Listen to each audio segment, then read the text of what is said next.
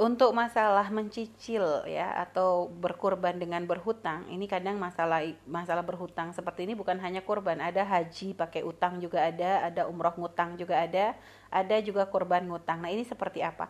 Kalau secara hukum mau ngutang mau nggak ngutang silahkan, nggak ada masalah. Boleh-boleh saja. Hanya yang harus kita perhatikan sekarang begini, artinya ibadah itu ibaratnya asalkan kita memenuhi syarat dalam beribadah itu artinya sahnya sah. Sahnya tuh sah. Akan tapi jangan sampai setelah sah kita nggak dapat pahala. Makanya ini urusannya kalau kayak orang haji ngutang umroh ngutang kurban ngutang itu seperti apa? Maka tadi kami katakan boleh tapi harus dilihat. Artinya jangan sampai sah secara hukum tapi ternyata nggak ada pahalanya. Apa saja sih menghilangkan pahalanya Nah, misalnya kita ngutang, secara hukum sah, tapi ternyata ngutangnya kok urusannya dengan yang berkaitan dengan riba. Loh kalau sudah begitu tentu akan menghilangkan pahalanya. Anggap enggak ini enggak berkaitan dengan riba.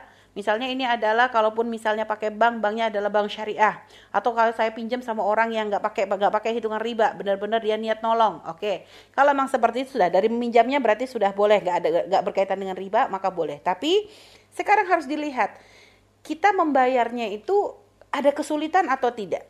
Karena ada orang itu kadang beribadah pakai hawa nafsu. Ah nggak enak nih kalau nanti saya nggak haji. Ini sekarang orang semuanya berangkat haji. Nggak enak kalau saya nggak umroh saya harus berangkat umroh. Nggak enak kalau saya nggak kurban saya harus kurban. Akhirnya memaksakan di luar dari kemampuannya.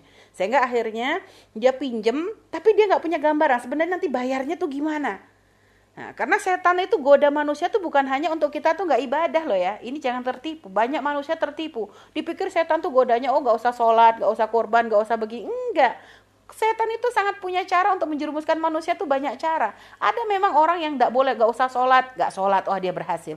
Tapi ada orang, oh dia nih disuruh gak sholat gak bisa, oh berarti disuruh banyakin sholat supaya apa? Biar nanti dia sombong dengan sholatnya. Ada juga.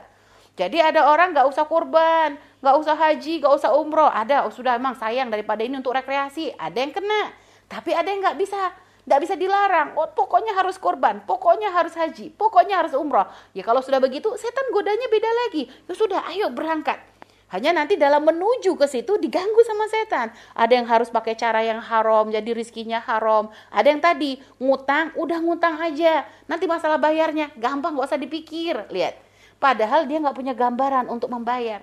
Akhirnya dia ngutang untuk berangkat haji. Dia ngutang untuk umroh. Dia ngutang untuk kurban. Giliran selesai sudah, sudah dia pakai duit itu untuk kurban atau untuk haji dan umroh. Giliran bayarnya dia bingung. Karena mungkin gajinya dia sama uang yang harus dibayarkan gak ketemu hutangnya misalnya harus dicicil satu bulan misalnya anggap ini kalau haji 4 juta sedangkan gaji dia kalau dipotong 4 juta habis misalnya begitu karena dia nggak mikir awalnya dulu pokoknya haji supaya nanti gak dipandang orang. Lihat setan kan ngomporin.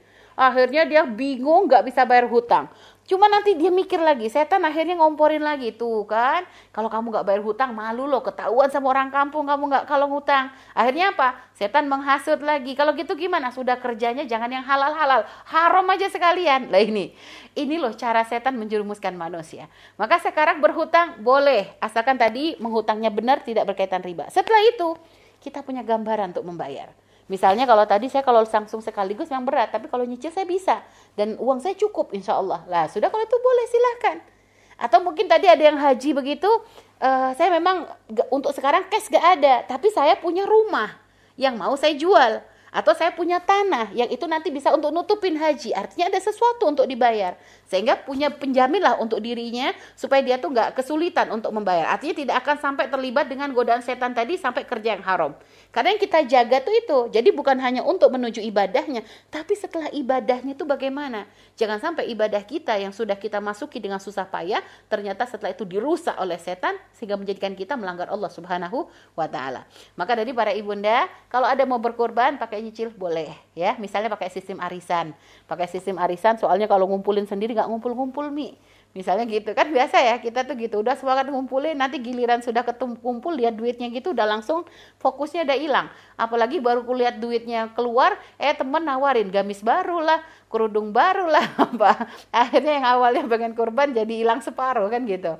Nah makanya kalau memang seperti itu dicicil-cicil pakai sistem arisan boleh. Atau misalnya ya tadi pakai apa uh, setiap bulan nyicil 100 atau 200 sampai berapa bulan dan kita nggak kesulitan untuk membayar maka nggak ada masalah Bahkan itu bagus, artinya supaya apa? Jangan ngerasa, ah sudah saya nggak punya duit sekarang, nggak mau kurban. Kalau memang ternyata ada orang bisa meminjamkan, dan Anda pun merasa mampu untuk membayar setiap bulannya, Anda tidak kesusahan, maka nggak apa-apa sambil ngutang.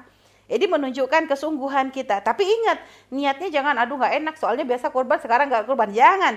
Niatnya adalah karena Anda ingin istiqomah dalam melakukan kebaikan. Kenapa? Karena Anda pikir, eh, subhanallah saya masih bisa. Kalau nyicil begini saya masih mampu. Tapi ada orang, kalau sampai nanti ibaratnya mereka di hari raya nggak bisa makan daging, lah lebih melas longso lagi kita ngelihatnya. Jadi seperti itu. Ya, jadi Pak Ibunda Arifah ya tadi.